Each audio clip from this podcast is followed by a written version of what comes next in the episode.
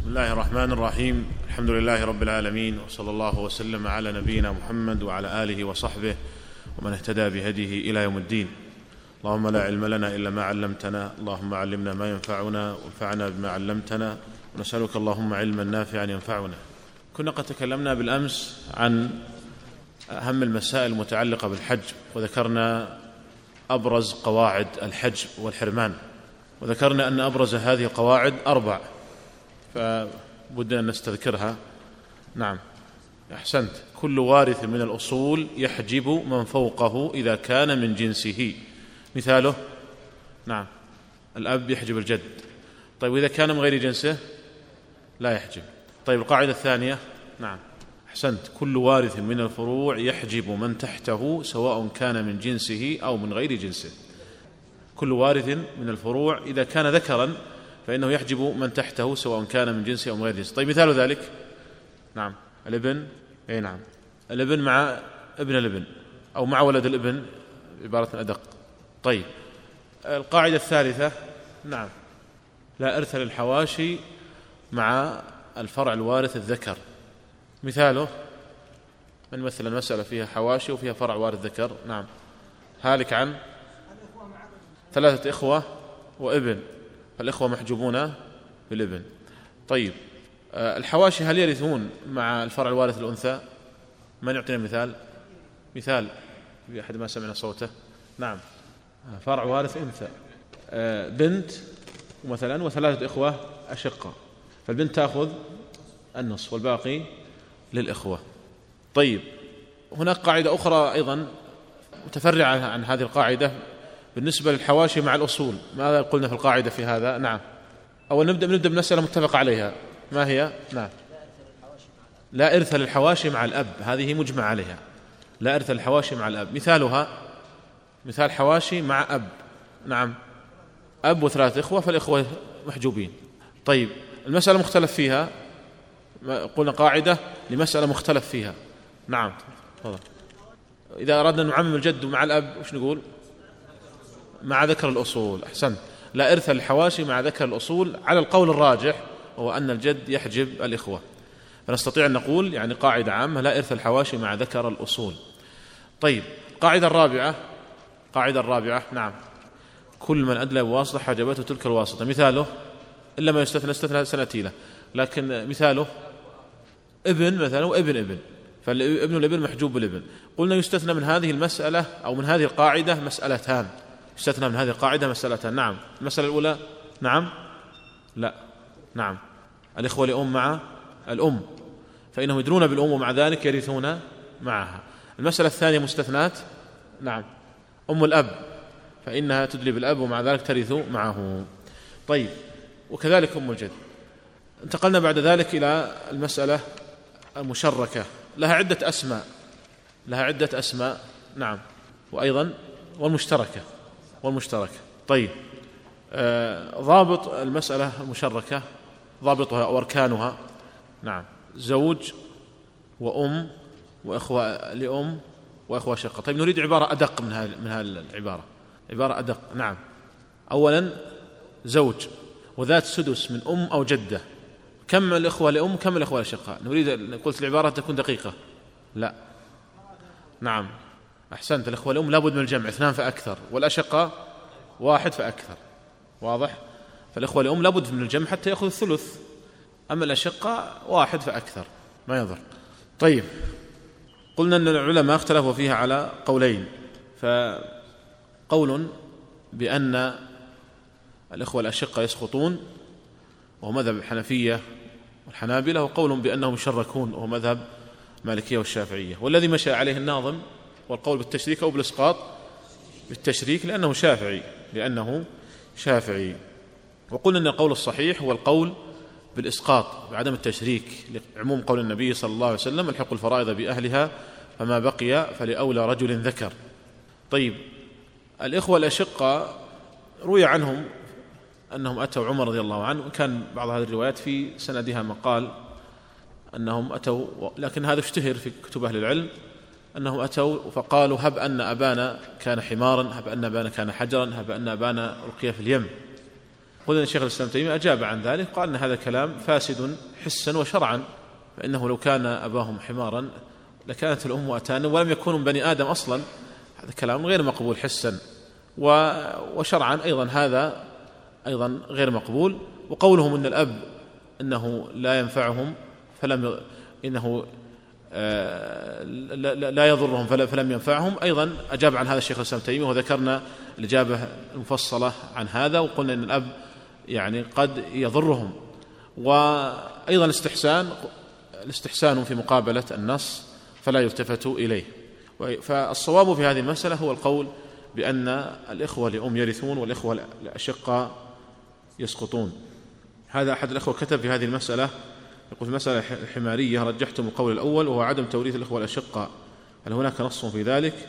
ولماذا خلف قضاء عمر الثاني إن لم يكن هناك نص؟ مع أن الناظر الوهله الأولى يحكم للإخوة الأشقاء لأنهم ألصق. آه هذه مسألة محل اجتهاد. قل هذه المسألة محل اجتهاد. لكن إذا طبقنا عليها قواعد الميراث وأيضا ما ورد في ذلك فإن نجد أن الإخوة لأم أصحاب فرض بينما الأشقة عصبة. فكيف ما الذي يجعلنا ننقص حق هؤلاء الإخوة لأم؟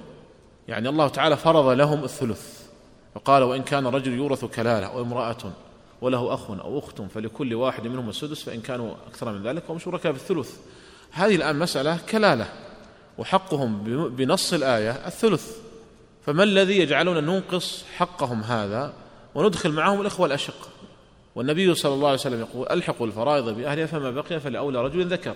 فنحن إذا تعدينا على حقهم المفروض في القرآن نكون وأنقصناهم يكون هذا في في يعني تعدي على حقهم. حق فرضه الله تعالى لهم في القرآن وتحققت الشروط. أما كون الإنسان ما يقبلها يعني بعقله كيف أن الأخ لأم يرث والأخ الشقيق يسقط هذا كما ذكر شيخ الإسلام هذا استحسان في مقابلة النص فلا يلتفت إليه.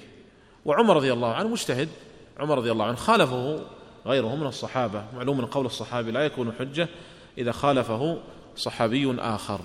فأنت الآن بين أمرين بين أنك تشرك الإخوة الأشقاء فتكون قد تعديت على حق الإخوة لأم المفروض لهم بنص القرآن. فرضه الله لهم بنص القرآن فإن كانوا أكثر من ذلك فهم شركاء في الثلث. فيعني ما عندنا نص لكي ننقص هؤلاء الإخوة حقهم وندخل معهم الإخوة الأشقة إلا مجرد استحسان العقل واستحسان العقل لا مدخل له في هذه آه، المسائل. ولهذا فإن هذا هو الذي عليه عامة المحققين من أهل العلم شيخ الإسلام تيمية وابن القيم وشيخنا سماحة شيخنا عبد العزيز باز الشيخ محمد بن عثيمين. وهو الذي عليه الآن العمل في المحاكم عندنا في المملكة أيضا هو القضاء بهذا. نعم. لا هذا غير صحيح. هم عصبة هم عصبة.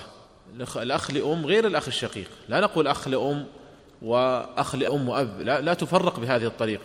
لأن هؤلاء عصبة وهؤلاء آه، أصحاب فرض بينهما فرق كبير بينهما فرق كبير. فحينئذ لا يمكن تجزئتهم بهذه الطريقة. نقول هذا أخ لأم وأب. لأن لو قلنا بهذا أيضا عاملناهم في بقية المسائل. عاملهم في بقية المسائل هكذا أيضا. على أنهم قد يرثون ميراث الإخوة لأم ثم يرثون ميراث العاصب لماذا تعاملهم في هذه المسألة بالذات؟ فنحن نعاملهم جميعا على أنهم عصبة إخوة لأم وأب أشقة.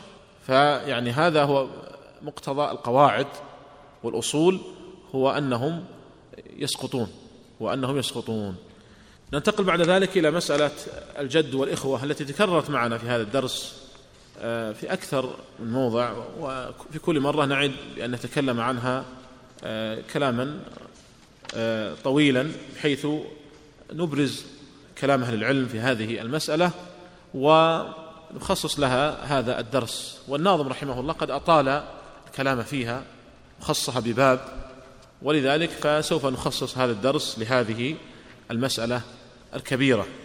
أولا نقول إن المقصود بالجد هنا في هذه المسألة هو الجد الصحيح. هو الجد الصحيح الذي لم يدخل في نسبته للميت أنثى. ونحترز بهذا من الجد الفاسد أو غير الصحيح وهو ما كان في نسبته للميت أنثى. كأبي الأم. أبو الأم هنا غير داخل فالمقصود هنا بالجد الجد الصحيح الذي هو الجد الوارث. والمقصود هنا بالإخوة في هذا الباب الإخوة الأشقاء. الإخوة الأشقاء أو الإخوة من الأب أو الإخوة من الأب أو من مجموع الصنفين أشقة ولأب. ولا يراد بهم الإخوة لأم. فإن الإخوة لأم محجوبون بالجد بالإجماع. الإخوة لأم محجوبون بالجد بالإجماع. فكلامنا إذن في هذا الباب في الإخوة لغير أم أي الإخوة الأشقة أو الإخوة لأب أو مجموع الصنفين.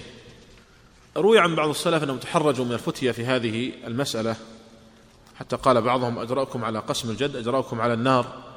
ولكن علماء الصحابة رأوا أنه لا بد من النظر في هذه المسألة. مسألة واقعة. فاجتهدوا في هذه المسألة ولم يثبت عن النبي صلى الله عليه وسلم فيها شيء صحيح ولذلك فهي محل نظر واجتهاد. اختلف العلماء في هذه المسألة على قولين. القول الأول أن الجد يسقط الإخوة وأنه كالأب تماما فلا إرث للإخوة مع الجد مطلقا.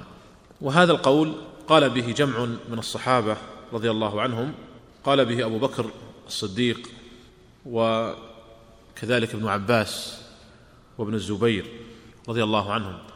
قال البخاري في صحيحه قال أبو بكر وابن عباس وابن الزبير الجد أب. قال ولم يذكر أن أحدا خالف أبا بكر في زمانه وأصحاب النبي صلى الله عليه وسلم متوافرون. ولذلك عد هذا إجماعا من الصحابة في زمن أبي بكر. عد إجماعا من الصحابة في زمن أبي بكر. ولكن الخلاف مشهور بين الصحابة في هذه المسألة. ولهذا اشتهرت المقولة عن ابن عباس ألا يتقي الله زيد يجعل ابن الابن ابنا ولا يجعل أبا الأب أبا. وهو مذهب الحنفية ورواية عند الحنابلة. ورواية عند الحنابلة. القول الثاني في المسألة أن الجد لا يحجب الإخوة بل يرثون معه. وهذا على تفاصيل في ذلك وهذا قال به جمع من الصحابة وممن اشتهر عنه علي بن أبي طالب وابن مسعود وزيد بن ثابت. علي بن أبي طالب وابن مسعود وزيد بن ثابت رضي الله عنهم. وهو مذهب الجمهور من المالكية والشافعية وهو الصحيح مذهب الحنابلة. هو قول الجماهير بل قال به من الحنفية أيضا محمد بن حسن وأبو يوسف. فيكون إذن هذا هو قول الجمهور. أما من أصحاب القول الأول القائلون بأن الجد يحجب الإخوة فاستدلوا بأدلة. منها أولا أن الله سبحانه سمى الجد أبا. أن الله سبحانه سمى الجد أبا. كما في قوله سبحانه ملة أبيكم إبراهيم. وكما في قوله سبحانه عن يوسف عليه السلام واتبعت ملة آبائي إبراهيم وإسحاق ويعقوب. فسماه الله تعالى أبا فيحجب الإخوة كالأب الحقيقي. ثانيا قول الله تعالى في آخر آية من سورة النساء يستفتونك قل الله يفتيكم في الكلالة. إن امرؤ هلك ليس له ولد وله أخت فلها نصف ما ترك وهو أي الأخ يرثها إن لم يكن لها ولد. وهذه الآية نزلت في الإخوة لغير أم. ووجه الدلالة أن الآية الكريمة اشترطت لإرث الإخوة لغير أم كون المسألة كلالة. والكلالة في لغات العرب من لا ولد له ولا والد. والكلالة في لغة العرب من لا ولد له ولا والد فيدخل في ذلك الجد. فيدخل في ذلك الجد. فالآية اشترطت أن تكون المسألة كلالة. وحينئذ يكون هذا شرطا لإرث الإخوة. ثالثا ما جاء في الصحيحين النبي صلى الله عليه وسلم قال ألحقوا الفرائض بأهلها فما بقي فلأولى رجل ذكر. وإذا اجتمع عندنا جد وأخ فإن الجد يعتبر أولى رجل ذكر بدليل المعنى والحكم. أما من جهة المعنى فلأن له قرابة إيلاد بعضية فلأن له قرابة إيلاد بعضية. وأما من جهة الحكم فإن الفروض إذا ازدحمت سقط الأخ. بخلاف الجد فإنه لا يسقط عند ذلك بل يفرض له السدس. وأيضا من أدلتهم أن ابن الابن بمنزلة الابن فالجد بمنزلة الأب ولا فارق بينهما إذ هما عمود النسب. وهذا معنى قول ابن عباس ألا يتقي الله زيد يجعل ابن الابن ابنا ولا يجعل أبا الأب أبا. إذا كنا نجعل ابن الابن يقوم مقام الابن فلماذا لا نجعل أبا الأب يقوم مقام الأب؟ وأيضا من أدلتهم الإجماع كما ذكرنا في زمن أبي بكر الإجماع في زمن أبي بكر الصديق على تقديم الجد على الإخوة. ونقلنا كلام البخاري قال قال أبو بكر وابن عباس وابن الزبير الجد أب ثم قال ولم يذكر أن أحدا خالف أبا بكر في زمانه وأصحاب النبي صلى الله عليه وسلم متوافرون. فهذه أدلتهم كما ترون يعني أدلة قوية. أما من قال بأن الإخوة يشتركون مع الجد فاستدلوا لذلك. قالوا إن الإخوة ثبت إرثهم بالكتاب فلا يحجبون إلا بنص أو إجماع أو قياس. وليس هناك نص ولا إجماع في حجبهم ولا قياس صحيح. وقالوا إن الأخ ذكر يعصب أخته فلا يسقطه الجد كالإبن. والقول الراجح في هذه المسألة هو القول الأول. القول الراجح في هذه المسألة هو القول الأول وهو أن الجد كالأب وأن الإخوة يسقطون معه ولا يرثون لقوة أدلتهم.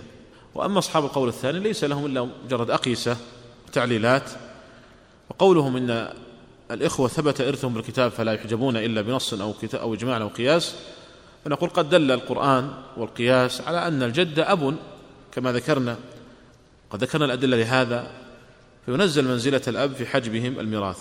ثم إن دلالة الكتاب على إرث الإخوة مشروطة بأن تكون مسألة كلالة ومع وجود الجد لا تكون كلالة.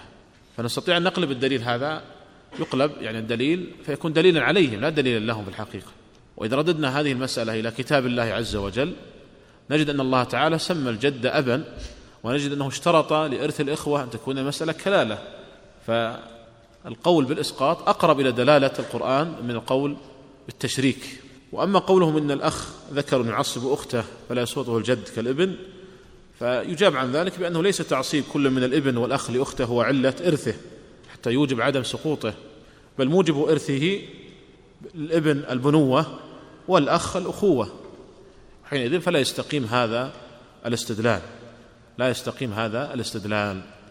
وبهذا يتبين القول الصحيح هو القول الأول. وقد أطال بعض العلماء أدلة يعني لا ربما لا يتسع المقام ذكرها ابن القيم رحمه الله على مواقعه ذكر أكثر من عشرين دليلا ترجيح القول بأن الجد كالأب وأنه يسقط آه، الإخوة. لكن يعني الراجح في هذه المسألة ظاهر مع أن الأكثر على القول بالتشريك وهذا يدل على أنه يعني لا ملازمة بين قول الجمهور وبين القول الراجح. قد يكون القول الراجح في قول الأقل. الأكثرية ليست بدليل على الحق. وإن تطع أكثر من في الأرض يضلوك عن سبيل الله. هذا في غير يعني مسائل علمية. فالأكثرية ليست بدليل على الحق. فيعني بعض المسائل يكون الصواب فيها خلاف قول الجمهور. يعني بعض الناس يظن كلما رأى قول الجمهور يظن هو الصواب. هذا غير صحيح. هذه المسألة قول الجمهور والقول بالتشريك مع أنه مع أن القول بعدم التشريك هو الأقرب والأظهر في هذه المسألة والأقرب لدلالة نصوص الكتاب والسنة وللأصول والقواعد الشرعية. نرجع بعد ذلك إلى عبارة الناظم. قال ونبتدي الآن بما أردنا في الجد والإخوة إذ وعدنا. سبقا وعد الناظم بأن يتكلم عن الجد والإخوة. فألق نحو ما أقول السمع واجمع حواشي الكلمات جمعا لأنها لأن الناظم سوف يقسمها بناء على قول الجمهور وهو فيه تفصيلات كثيرة. ولذلك أراد تهيئة القارئ بأن يستعد لأن فيها عدة تفاصيل وكما سنبين إن شاء الله. ثم أيضا الناظم مشى على مذهب زيد في القسمة وإلا هناك طريقة لعلي وطريقة لابن مسعود رضي الله عنهم. هناك عدة طرق لقسمة لكيفية التشريك ولكن الناظم مشى على طريقة زيد وهي المشهورة التي أخذ بها الشافعية وهي أشهر الطرق. فشرحها الناظم في الأبيات التالية فقال واعلم بأن الجد ذو أحوال أنبيك عنهن على التوالي. الجد له عدة حالات كما قال الناظم. الحالة الأولى ألا يكون معه طبعا هذا هذا كله بناء على قول الجمهور هذا كله بناء على قول الجمهور. على قول الراجح الجد يحجب الأخوة وانتهينا لكن الآن نريد قسمة المسألة بناء على قول الجمهور أيضا على طريقة زيد بن ثابت. فنقول إن الجد له أحوال. الحالة الأولى ألا يكون معه ألا يكون معهم يعني الجد والإخوة صاحب فرض. ألا يكون معهم صاحب فرض. فميراث الجد الأكثر من ثلث المال أو المقاسمة. القاعدة أن ميراث الجد هو الأكثر من ثلث المال أو المقاسمة. ثلث المال يعني ثلث التركة. المقاسمة يعني يقاسم الإخوة كأنه واحد منهم كأنه واحد منهم. وهذا معنى قول الناظم يقاسم الإخوة فيهن إذا لم يعد القسم عليه بالأذى يعني بالضرر بالضرر و فيكون له إذن الأكثر الأحظ من ثلث المال أو المقاسمة. فتارة يأخذ ثلثا كاملا إن كان بالقسمة عنه نازلا كان بالقسمة عنه نازلا. والضابط في هذا أنه متى كان الإخوة أكثر من مثليه فله ثلث المال. متى كان الإخوة أكثر من مثليه فله ثلث المال. ومتى كانوا أقل فإن الأحظ له المقاسمة. ومتى كانوا مثليه استوى الأمران. ونوضح هذا الكلام بالأمثلة. هالك عن جد وثلاثة إخوة. جد وثلاثة إخوة. فما الأحظ له؟ ثلث المال أو المقاسم يعني هل نعتبره كأنه أخ فيكون أربعة إخوة؟ أو أن الأحظ له ثلث المال؟ نعم. ثلث المال أحظ. لأن لو اعتبرناه أخ كم سيأخذ؟ الربع وهو أقل من الثلث. طيب هالك عن جد وأخ شقيق. جد وأخ شقيق.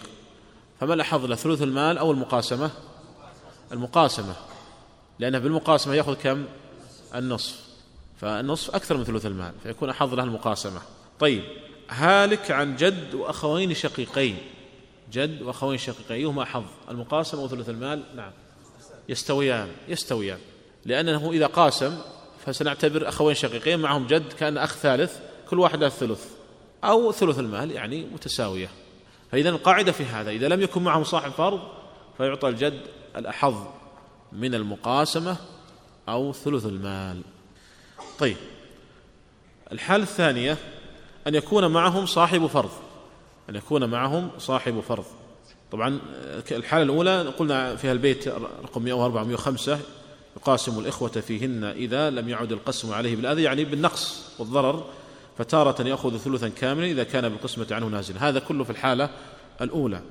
ولهذا قال الناظم إن لم يكن هناك ذو سهام يعني إن لم يكن هناك أصحاب فرض أصحاب فرض فاقنع بإيضاح عن استفهامه. ثم انتقل الناظم للحالة الثانية. الحالة الثانية أن يكون معهم صاحب فرض أن يكون معهم صاحب فرض. فيأخذ صاحب الفرض فرضه ثم يكون ميراث الجد الأحظ يعني الأكثر من ثلاثة أمور. الأحظ من المقاسمة أو ثلث الباقي بعد الفرض أو سدس المال. إذا مرة أخرى نقول يأخذ صاحب الفرض فرضه ثم يكون للجد الأحظ من ثلث المقاسمة أو ثلث الباقي بعد الفرض أو سدس المال سدس المال كله المقاسمة أو ثلث الباقي بعد الفرض أو سدس المال. فإن لم يبق إلا السدس إن لم يبق في التركة إلا السدس أخذه الجد وسقط الإخوة إلا في مسألة الأكدرية وسيأتي الكلام عنها إن شاء الله. وهذا معنى قول الناظم وتارة يأخذ ثلث الباقي بعد ذوي الفروض والأرزاق يعني يأخذ ثلث الباقي بعد أصحاب الفرض.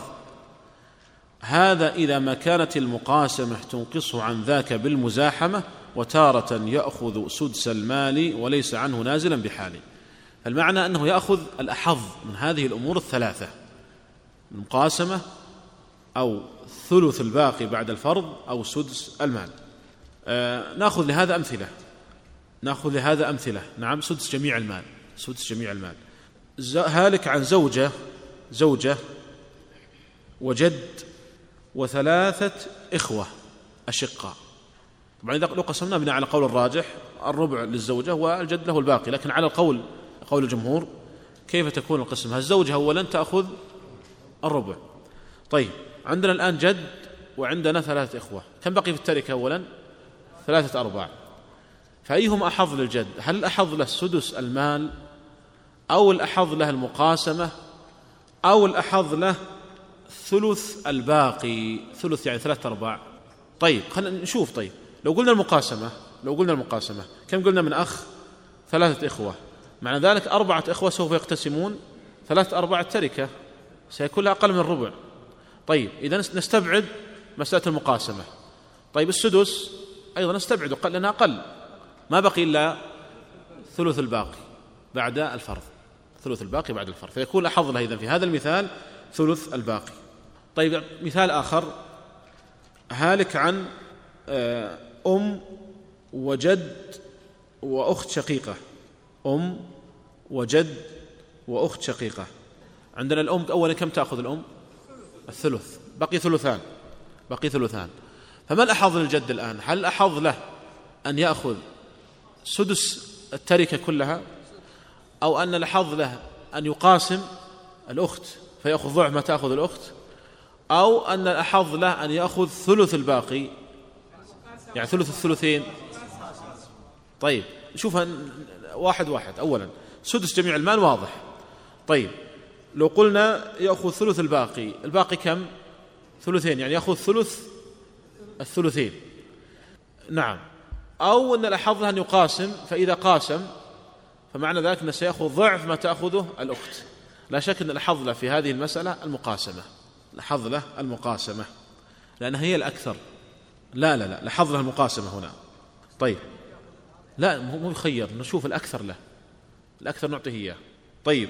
هالك عن بنت وجد وثلاثة إخوة أشقاء. بنت وجد وثلاثة إخوة أشقاء. أولا البنت كم تأخذ؟ النصف نعطيها النصف بقي عندنا الآن نصف التركة. فأيهم أحظ للجد؟ سدس جميع التركة أو ثلث الباقي. ثلث النصف كم؟ ثلث النصف. ثلث النصف كم؟ أقسم النصف على ثلاثة. سدس. سدس. والثالث المقاسمة. فأيهما أحظ؟ طبعا المقاسمة لو قاسم ثلاثة إخوة بيكون أربعة. فلن ينالها إلا ماذا؟ إلا قليل إلا الثمن. طيب إذا نستبعد مسألة المقاسمة. بقي عندنا الآن ثلث الباقي والسدس. ثلث الباقي كم؟ ثلث النصف. سدس. إذا يستوي في حقه السدس وثلث الباقي. يستوي في حقه السدس وثلث الباقي. المهم إنك تضبط القاعدة معك. المهم هو ضبط القاعدة. فنقول يعطى الأحظ بعد أن يعطى صاحب الفرض فرضه يعطى الأحظ من المقاسمة أو ثلث الباقي بعد الفرض أو سدس جميع آه، التركة. هذه هي القاعدة في هذا. ثم قال الناظم بعد ذلك وهو أي الجد مع الإناث عند القسم مثل أخ في سهمه والحكم. وهو مع الإناث نعم. وهو أي الجد وهو مع الإناث عند القسم مثل أخ في سهمه والحكم.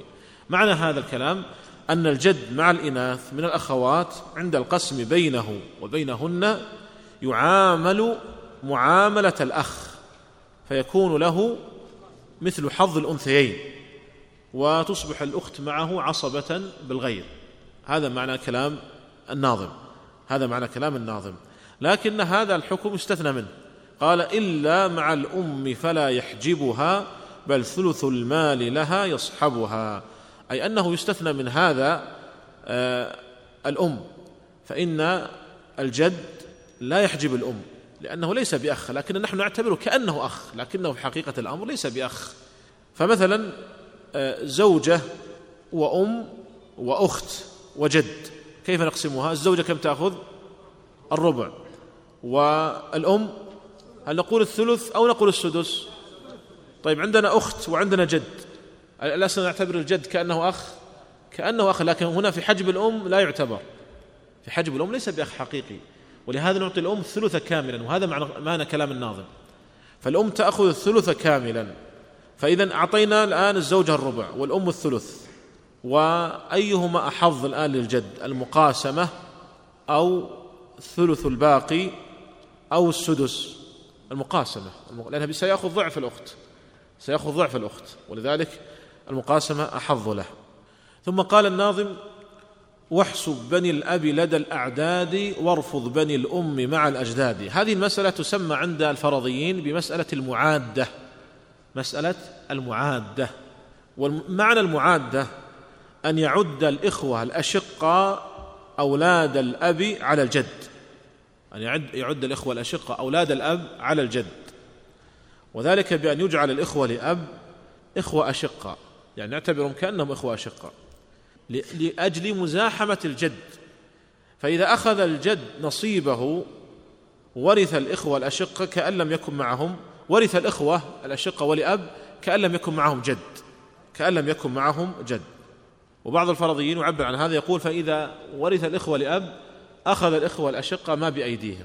ولكن هذا محل نظر لأن الإخوة لأب هنا ما ورثوا شيئا أصلا ما ورثوا شيئا أصلا. ولذلك الأدق في العبارة أن نقول فإذا أخذ الجد نصيبه ورث الإخوة كأن لم يكن معهم جد. كأن لم يكن معهم جد. لا تكون المعادة إلا في الحال التي تكون فيها المقاسمة أحظ للجد. إذا لا تكون المعادة إلا في هذه الصورة فقط.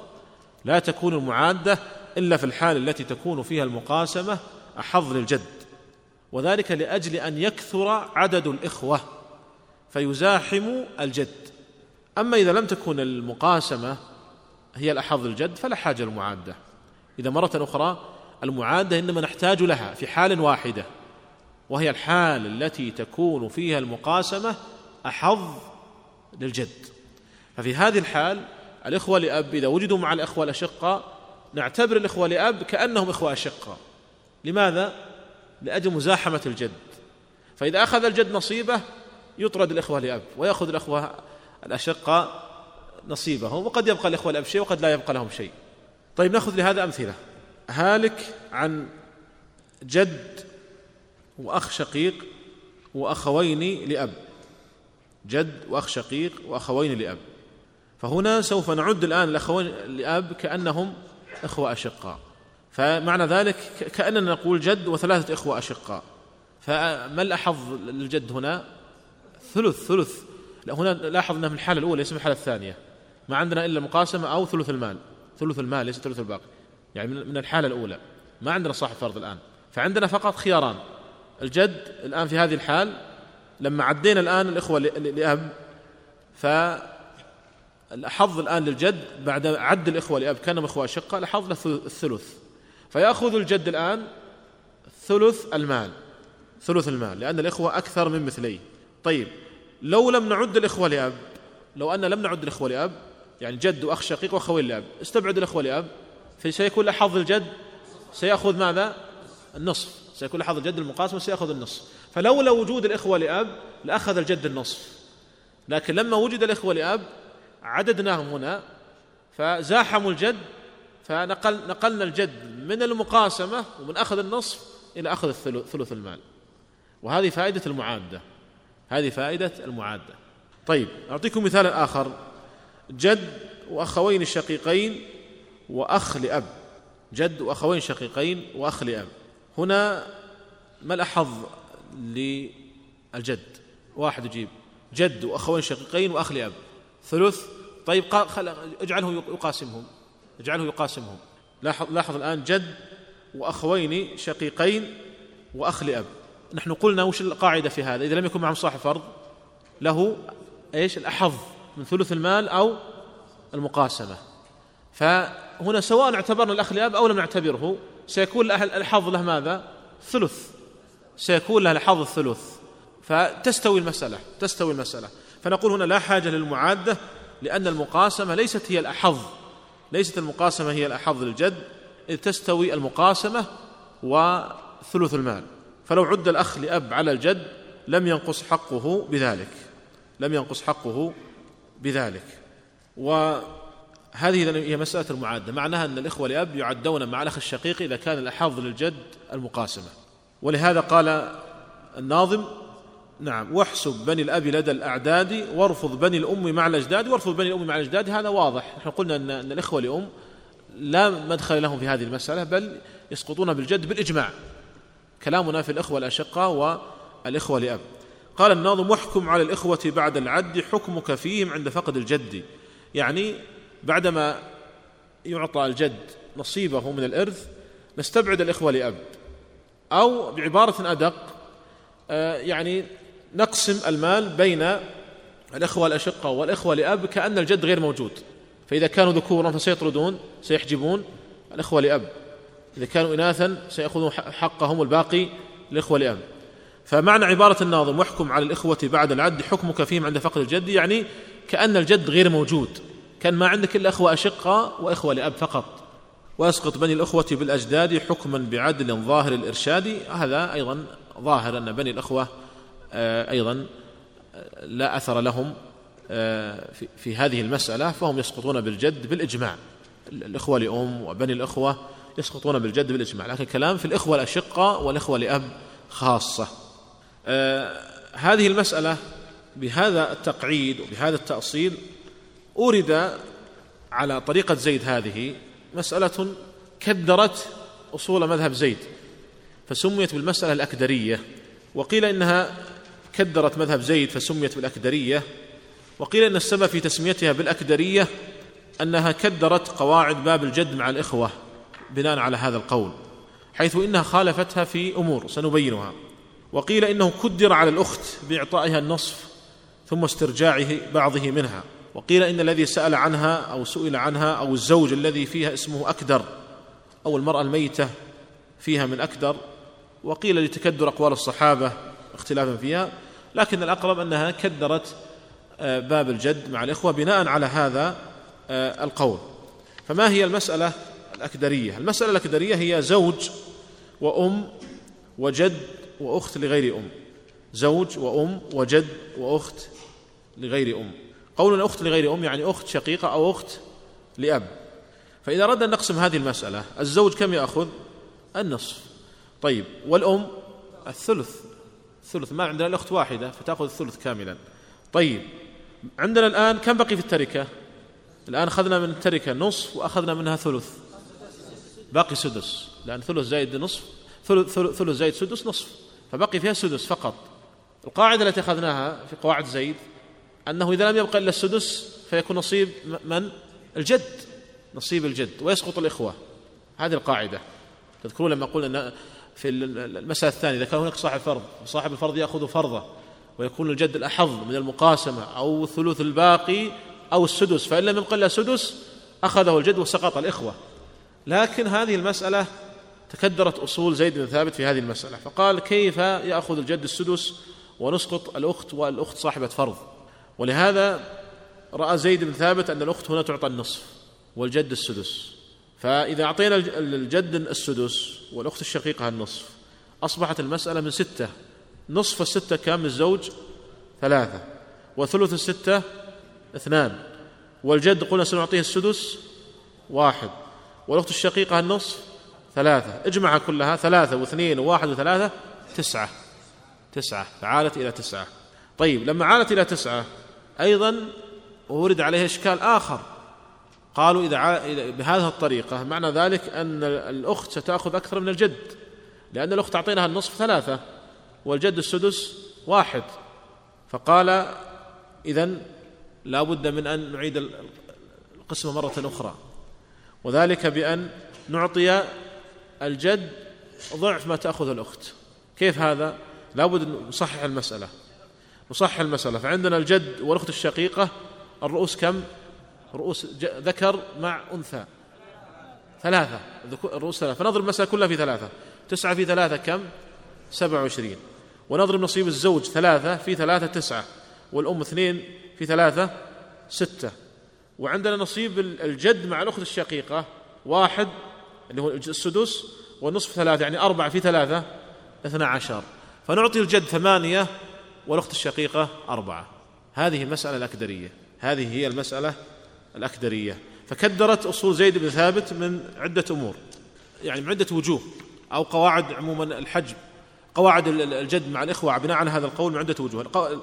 الوجه الأول أن قاعدة هذا الباب أنه إذا لم يبقى إلا السدس أن الإخوة يسقطون ويأخذ الجد السدس. لكن هذه المسألة خالفتها فلم تسقط الأخت. المسألة الثانية أن مسائل هذا الباب باب الجد مع الإخوة لا تعول. وهذه المسألة قد عالت. الأمر الثالث أنه في غير المعادة لا يفرض للأخت في هذا الباب. لا يفرض لأن نفترض الجد كأنه أخ فتكون فيكون عاصبا. ففي غير المعادة لا يفرض للأخت في هذا الباب. لكن في هذه المسألة في الأكدرية فرض لها. فلذلك سميت بالأكدرية. قال الناظم والأخت لا فرض مع الجد لها فيما عدا مسألة كملها التي هي مسألة الأكدرية. زوج وأم هما تمام وهما تمامها فاعلم فخير أمة علامها. تعرف يا صاحي بالأكدرية يعني زوج وأم وجد وأخت لغير أم. زوج وأم وجد وأخت لغير أم. تعرف يا صاحب الأكدرية وهي بأن تعرفها حرية. فيفرض فيفرض النصف لها يعني للأخت والسدس له يعني للجد حتى تعول بالفروض المجملة تعول إلى تسعة. ثم يعودان إلى المقاسمة بعد التصحيح يعودان للمقاسمة فيأخذ الجد ضعف ما تأخذه الأخت كما مضى فاحفظه واشكر ناظمة. فكما ترون يعني هذه التقسيمات والتشعيبات ولو رجعت لكتب الفقه وكتب الفرائض لوجدت تقسيمات أكثر ووجدت عدة طرق وصور وطريقة زيد وطريقة علي وطريقة ابن مسعود وكل طريقة تحتها صور. وهذا في الحقيقة قرينة على ضعف هذا القول لأنه كما قلت لكم فيما سبق من علامة القول الراجح سهولة فهمه وسهولة تطبيقه ومن علامة القول المرجوح صعوبة فهمه وصعوبة تطبيقه.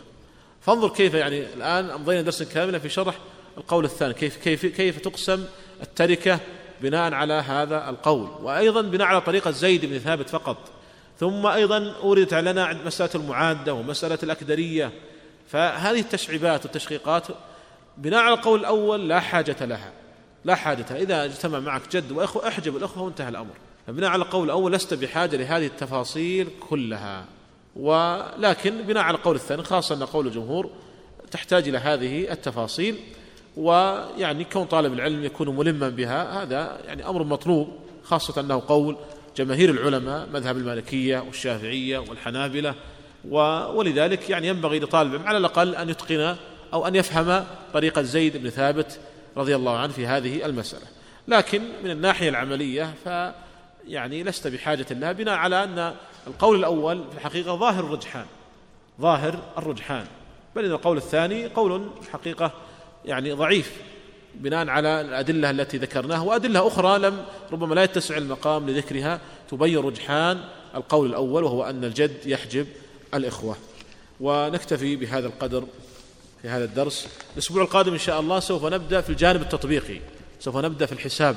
فيعني لعلكم تحضرون معكم أيضا أوراقا حتى أيضا نعطيكم مسائل وتطبيقات سيكون هناك شاشة عرض أيضا. وأيضا الأهم من هذا كله أن تراجعوا ما أخذناه في هذا الأسبوع. قسمنا الدورة إلى فقه الفرائض وحساب الفرائض. فقه الفرائض خصصنا له الأسبوع الأول وانتهينا منه الحمد لله الآن. القسم الثاني حساب الفرائض وهو تطبيقات على فقه الفرائض. ونريد من الإخوة جميعا يعني أولا المراجعة المراجعة لما سبق وإتقان ما سبق خاصة الشروط خاصة الشروط أصحاب النص مثلا أصحاب الربع أصحاب الثلث قواعد الحجب والحرمان. هذه مهمة جدا لأن سنحتاج لها في التطبيق. وسنبتدئ إن شاء الله تعالى اعتبارا من السبت يوم السبت القادم إن شاء الله في الجانب التطبيقي في آه، حساب آه، الفرائض. يقول هل الأصول والفروع يحجبون الأخوات الشقيقات ولأب أم حجب مقصور على الذكور؟ لا هم يحجبون الذكور والإناث. لا إرث للحواشي مع ذكر الفروع بالإجماع ولا مع ذكر الأصول بناء على القول الراجح. هم يحجبون جميع الإخوة والأخوات ذكورا كانوا أو إناثا. هذا يقول مسألة أريد منكم يا أخوان تشتركوا معنا في الإجابة. هالك عن أربع بنات وابن وزوجة وأخت شقيقة. طيب ماذا نقول؟ البنات كم لهم؟ البنات والابن. البنات والابن أول نبدأ بالزوجة. الزوجة كم تأخذ؟ الثمن. والأخت الشقيقة؟ لا شيء لها طبق القاعدة. لا إرث الحواشي مع ذكر الفروع. والباقي للابن مع البنات. للذكر مثل حظ الأنثيين. فقسمة الأخ اللي قسمها غير صحيحة وقسمها قسمة غير صحيحة قال قلنا بأن الأصل لا يحجب ما فوقه إلا إذا كان من جنسه. فأبو الأم يرث أم لا؟ أبو الأم لا يرث. أبو الأم لا يرث. هل الأم من جنس الأب؟ لا. فهنا الأب يحجب الجد أبو الأب وأبو الأب يحجب ما فوقه. أبو أبو الأب. الأم تحجب أم الأم وهكذا. أما أبو الأم فهو أصلا ليس من الوارثين من الرجال وإنما هو من ذوي الأرحام. يقول بما أن الراجح القول بسقوط الإخوة فلماذا شرحت القول الثاني قول الجمهور؟ أولا مسألة الترجيح مسألة نسبية. يعني قد يأتي إنسان ويرجح قول الجمهور خاصة أن قول يعني المذاهب الثلاثة المالكية والشافعية والحنابلة. وأيضا ما دعانا لهذا الشرح أن الناظم عقد له بابا بل حتى أكثر من باب باب الجد مع الإخوة ثم باب الأكثرية فيعني لا بد من, من هذا الشرح. الناظم مشى بناء على قول الجمهور. فلا يحسن أن نترك هذه الأبواب يعني من الرحبية وهي أبواب مستقلة. ثم الأمر الثالث أن طالب العلم ينبغي أن يكون أيضا على دراية وعلى معرفة بهذا القول. فلا يحسن مثلا إذا مرت بمسألة أكدرية يقول ما هي أكدرية ما يعرفها. أو المعادة ما يدري ما معنى المعادة. فعلى الأقل يأخذ فكرة عن هذا القول. يقول إذا أخذنا على القول الأول وهو أن الجد أب فكيف تقسم هذه المسألة؟ هالك عن جد وأخ شقيق. كيف نقسم يا أخوان. نعم. المال كله للجد. أحسنت. يقول قلنا في المشركة أن الإخوة لأم ثبت لهم حقهم بالفرض فلا نشرك معهم الأخ الشقيق. وخالفنا ذلك في الجد مع الإخوة حيث ثبت حقهم. كل ما في ذلك أنه كالأب ولا يلزم من ذلك حجب الإخوة. وهذا تفريق بين المشتبهات لا فرق بين المسألتين. فرق بين المسألتين. في مسألة مشركة هؤلاء إخوة لأم وشروط متحققة. مسألة كلالة فيأخذون فرضهم الثلث كاملا بينما في مسألة الجد مع الإخوة. فالإخوة لغير أم يعني إخوة لشقة ولأب شرط الله لإرثهم الكلالة. يستفتون قل الله يفتيكم في الكلالة. إن امرؤ هلك ليس له ولد وله أخت فلها نصف ما ترك وهو يرثه إن لم يكن له ولد. فشرط الله لإرث الإخوة لغير أم أن تكون مسألة كلالة والمسألة ليست كلالة. فرق بين المسألتين. طيب هذا طرح مسألة. يقول زوج وأم وإخوة لأم وأخت شقيقة. نقسمها. الزوج كم يأخذ؟ النصف. والأم؟ السدس وجود الجمع من الإخوة. وعندنا إخوة لأم وأخت شقيقة. الأخت الشقيقة كم تأخذ؟ النصف. والإخوة لأم؟ الإخوة لأم يا أخوان. ثلث. مسألة تكون عائلة. فتكون يكون الزوج النصف يعني من ستة ثلاثة. والأم السدس واحد صارت أربعة. والإخوة لأم الثلث اثنان ستة. والأخت الشقيقة النصف ثلاثة تعول إلى تسعة. يقول زيد بن ثابت أحيانا يمر ولا تترضى عنه رضي الله عن صحابة النبي أجمعين لكن أحيانا ربما يغيب عن الذهن. فيعني هذا معلوم أن الترضي عن الصحابة رضي الله عنهم أجمعين.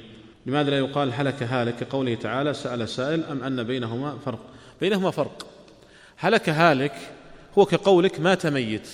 هل يستقيم تقول مات ميت؟ ومات ميت. كيف يموت؟ بينما سأل سائل السائل موجود. سأل سائل بعذاب واقع.